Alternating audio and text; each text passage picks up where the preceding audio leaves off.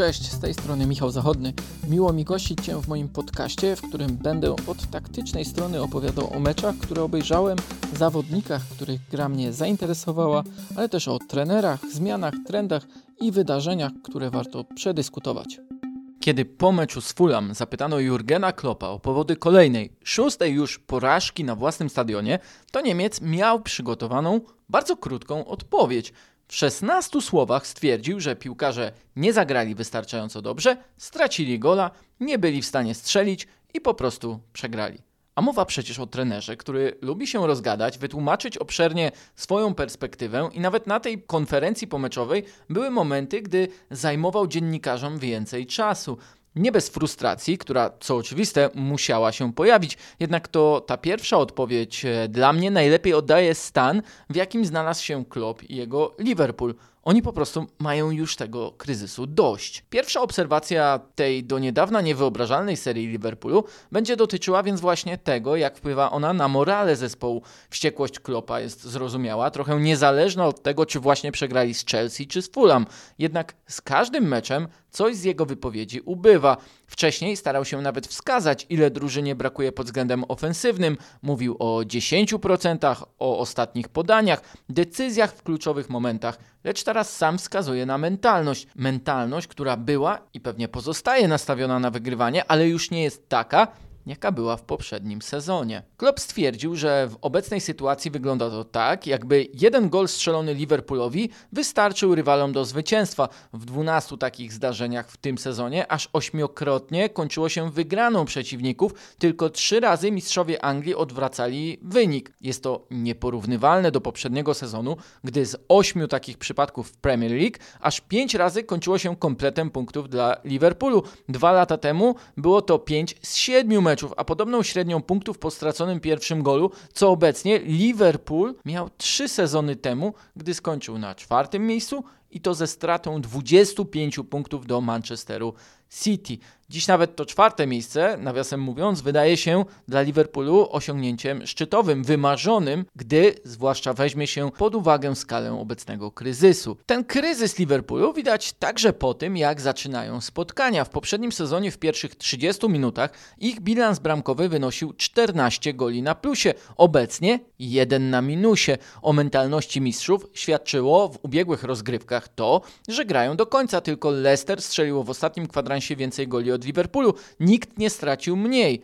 Obecnie tylko Crystal Palace ma gorszą defensywę po 75 minucie. Sprawdziłem też formę domową i tu najbardziej zaskoczyła mnie słaba skuteczność Liverpoolu w dwóch momentach, gdy wydaje się, że najlepiej widać nastawienie zespołu i wpływ menedżera. Pierwszy kwadrans każdej z połów. W tym sezonie na własnym terenie Liverpool ma bilans ujemny w tych kwadransach. Strzelił tylko 3 gole, czyli 5 razy mniej niż przed rokiem. Łatwo byłoby w tym momencie zarzucić Klopowi, że nie jest w stanie już zmotywować piłkarzy, nie ma na nich wpływu, ale tych czynników jest zbyt dużo, są one rozrzucone po całym boisku, a my widzimy tylko ich efekt. Czasem po prostu chodzi o to, by złapać właściwy moment. Klopp mówił to po porażce z Chelsea, że w futbolu umiejętność wejścia w odpowiedni rytm wygrywania, rozgrywania, atakowania i bronienia jest ważniejsza niż wielu się wydaje.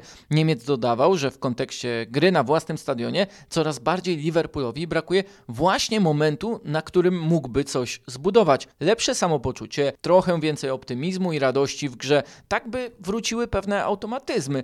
Sam przyznał, że są chwili, gdy muszą za wszelką cenę uzyskać wynik, już niekoniecznie grając swój najlepszy futbol. Po prostu ma się liczyć rezultat, choć zdaje się, że to nawet bardziej jego zawodników paraliżuje. Nie da się ukryć, że ten kryzys Liverpoolu jest tak niesamowity, tak niespodziewany, że wymaga jednak bardziej dogłębnej analizy. W skrócie chciałem sprawdzić, co doprowadziło do wspomnianych wcześniej efektów, czyli braków strzelonych bramek. Skoro Klopp mówi o kilku brakujących procentach, to znaczy, że da się je znaleźć i wskazać. Pewnie widzieliście krążącą w internecie po meczu z Fulham statystykę, że Liverpool w meczach na Anfield w 2021 roku oddał 101 strzałów, z których strzelił tylko jednego gola.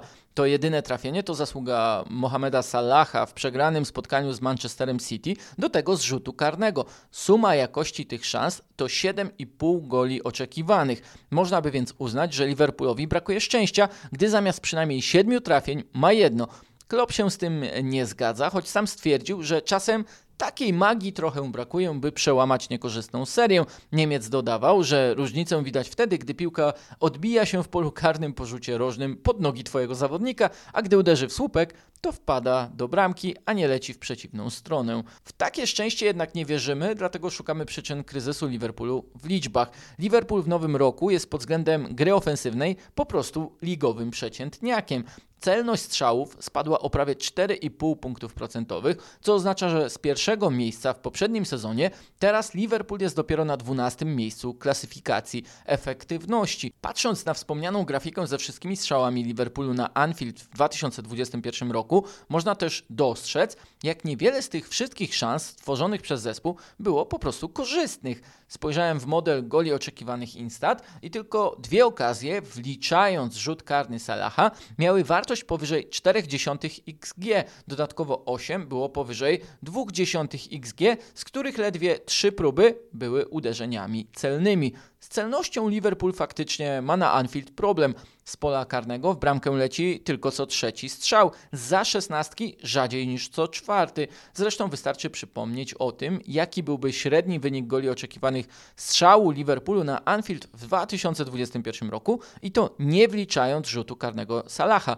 Uwaga, wynosiłby on mniej niż 700 a więc przeciętna szansa tworzona przez piłkarzy Klopa daje im mniej niż 7% szansy na gola. Nic dziwnego, że w takich okazjach najczęściej kończy się strzałem niecelnym, dalej blokiem obrońcy rywali i dopiero w trzeciej kolejności interwencją bramkarza.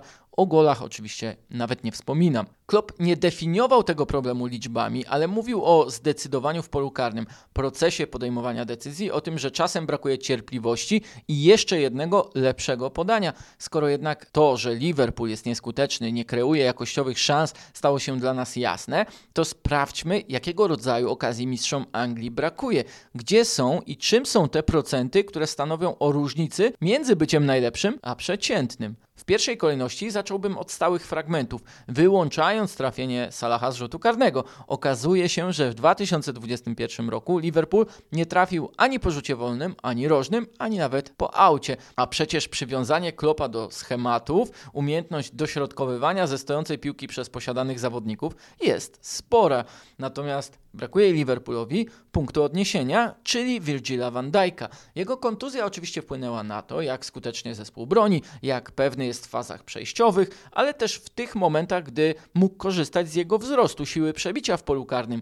Nawet na tym, że przeciwnik musiał podwójnie skupiać się na Holendrze niż na innych zawodnikach. Po stałych fragmentach obecnie Liverpool ma piąty najgorszy średni wynik strzałów. Van Dijk po stałych fragmentach strzelił w poprzednim sezonie 4 gole, w tym obecnym, choć przecież kontuzja zdarzyła mu się na samym starcie rozgrywek, jednego i tylko Joel Matip może równać się z nim tym dorobkiem, choć on doszedł do czterech sytuacji strzeleckich. Pozostali awaryjni stoperzy oddali w sumie jeden celny strzał po stałych fragmentach. Co ciekawe, efekty widać w statystykach pojedynków w powietrzu. W poprzednim sezonie Liverpool zajął drugą pozycję w klasyfikacji efektywności w tym elemencie gry, zaraz za Manchesterem United. United, czyli regularnie najwyższą drużyną Premier League wedle średniego wzrostu zawodnika.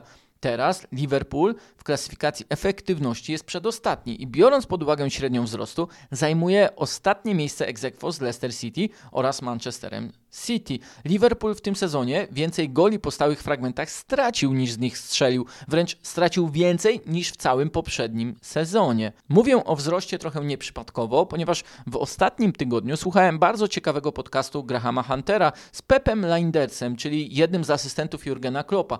Holender wielokrotnie podkreślał, że Liverpool to mały zespół, jednak mówił jeszcze o innych ciekawych aspektach, na które sztab szkoleniowy Klopa kładzie nacisk tłumaczył, że z sezonu na sezon Liverpool wcale nie zmienił stylu, wcale nie stał się zespołem bardziej koncentrującym się na utrzymaniu piłki, ale jego siłą było i coraz bardziej jest to, że jest lepiej ustawiony w tych momentach, zawodnicy skuteczniej w nich współpracują, zachowują odpowiednie odległości i dzięki temu mogą kontrolować mecze.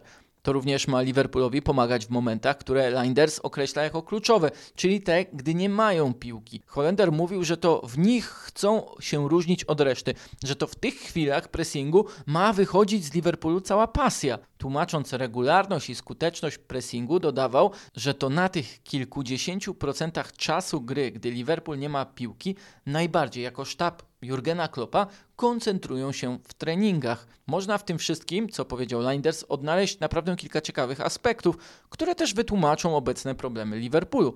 Po pierwsze, skupienie na pressingu w treningu jest widoczne, bo ten element się nie zmienił. Klopp nie zamierza go zmieniać, nawet gdy rywale w dosyć oczywisty sposób skupiają się na wykorzystaniu wysoko ustawionej linii obrony. Tydzień temu mówił o tym Thomas Tuchel. Tak Chelsea strzeliła na Anfield decydującego gola, korzystając z fazy przejściowej i z tego, że piłkarze Liverpoolu nie byli tak blisko ustawieni siebie, jak to tłumaczył Linders. Kante miał więc ogromną przestrzeń do zagrania długiego podania, a później Mason Mount zbyt łatwo pokonał Fabinho w pojedynku. Statystycznie rzecz biorąc, to pressing Liverpoolowi jeszcze wychodzi, także na połowie przeciwnika.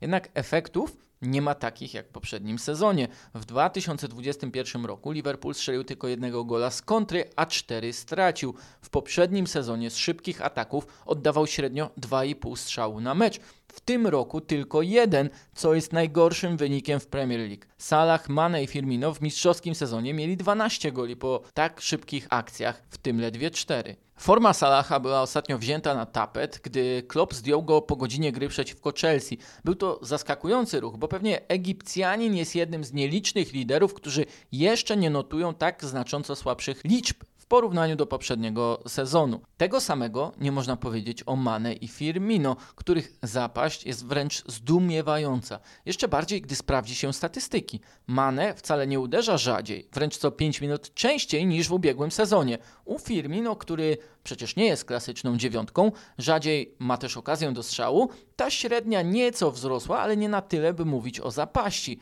Problem polega na tym, że rzadziej dochodzą do takich sytuacji, które w poprzednim sezonie zamieniali na gole.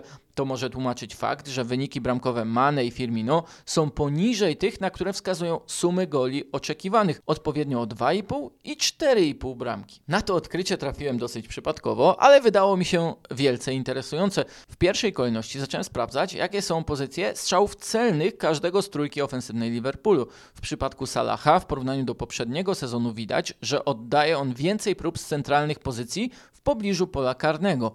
U Firmino rzucało się w oczy to, że bardzo dużo prób strzałów oddawał z odległości między 11 a 16 metrem od bramki przeciwnika. Jak pewnie sobie przypominacie, często wbiegając w drugie tempo w bardzo podobny sposób, jak wyglądała jego jedyna szansa przeciwko Manchesterowi United, której zresztą nie wykorzystał. Z kolei w przypadku Mane tych strzałów z pozycji centralnych wciąż jest sporo, ale z sezonu na sezon zaczęło brakować prób, które są dosyć typowe dla prawonożnego napastnika grającego na lewej stronie ataku. Można to sobie wyobrazić. Mane zbiegający z piłką ze skrzydła w pole karne, nie wchodzący w światło bramki, ale uderzający piłkę prawą nogą przy dalszym słupku. Zacząłem przeglądać jego trafienia z poprzedniego sezonu i ile można by w ten sposób sklasyfikować. Strzelił tak dwukrotnie z Newcastle, po razie z Crystal Palace, Bournemouth, Leicester, Burnley i Southampton. 7 goli z 18, a więc całkiem dużo. Dużo z nich też nie jest nie najwyższym współczynnikiem goli oczekiwanych, których model, nawiasem mówiąc, Senegalczyk w lidze w poprzednim sezonie przebił o 3,5 trafienia. Czy jednak Mane i także prawonożny Firmino uderzają inaczej? Sprawdziłem więc, gdzie konkretnie celują ci napastnicy Liverpoolu. Otóż w poprzednim sezonie przy dalszym słupku wpadło aż 13 z wszystkich 27 goli strzelonych przez ten duet, czyli niemal połowa. W tym sezonie już tylko dwa. Nawet wszystkich prób strzałów jest mniej przy prawym słupku bramki rywali niż przy tym lewym. Wszystko zaczyna układać się w całość, jeśli chodzi o brakujące procenty Liverpoolu w atakowaniu, Akcje kojarzone z Mane, zwłaszcza w kontrach, to te, w których przekłada piłkę na prawą nogę, ma lub tworzy sobie ku temu przestrzeń, możliwość i uderza przy dalszym słupku. Skoro obecnie kontrataków Liverpool przeprowadza mniej, to i okazji ku temu nie ma tyle, ile w poprzednim sezonie. Dodatkowo, choć nacisk Liverpoolu na pressing nie zmienił się, skuteczność pozostała wysoka, to inni bronią bliżej własnej bramki, nawet bardziej pasywnie, ale w sposób na tyle zorganizowany, że zostawiający liderom, zwłaszcza tym nieczującym się w formie, aż tyle miejsca co wcześniej. Pandemiczny futbol, co wiemy z ostatnich badań opublikowanych w Sunday Timesie, wcale nie stracił na intensywności rozumianej jako dystansu przebiegniętego w kilometrach, w truchcie, w szybkim biegu czy w sprincie. Ale te przyspieszenia i hamowania wykonywane są w innych strefach. Z perspektywy drużyny broniącej, zwłaszcza na Anfield, ten wysiłek jest wkładany w bronienie bliżej własnej bramki niż nawet środkowej linii boiska. Drużyny przeciwne w meczach z Liverpoolem wykonują o prawie 15% więcej odbiorów i przechwytów niż w poprzednim sezonie. Co z tego, że Liverpool odbiera piłkę na połowie przeciwnika, gdy wciąż ma do pokonania całkiem nieźle zorganizowanych, zdeterminowanych i mających siłę do bronienia rywali. Zwłaszcza gdy napastnikom Klopa brakuje świeżości, pewności siebie i do tego nie dochodzą do komfortowych dla siebie sytuacji. Tu zatrzymajmy analizę, by nie zabrnąć za daleko z wnioskami dotyczącymi Liverpoolu. Pewnie zaskakujące w drużynie Klopa jest to, że po takim meczu jak e, z Sheffield United, które wygrali 2 do 0, gdy w sposób bardziej zdeterminowany, zdecydowany atakowali pole karne przeciwnika, często mając tam więcej zawodników, nie potrafili tego przenieść na kolejne spotkania już na Anfield. Znów można zastanowić się nad tym, jaką rolę w tym wszystkim odgrywają momenty szczęścia lub jego braku, a nawet nie tyle szczęścia, ile pewności siebie. Czy przy jednej wykorzystanej szansie Salaha, który w derbach z Evertonem był sam na sam z Jordanem Pickfordem i trafił w bramkarza, cały zespół nie poczułby się lepiej, pewniej? Czy mając na Anfield za sobą kilkadziesiąt tysięcy fanów, widzielibyśmy tak wiele zwieszonych głów, rozłożonych ramion, jak w ostatnich meczach po nieudanych atakach?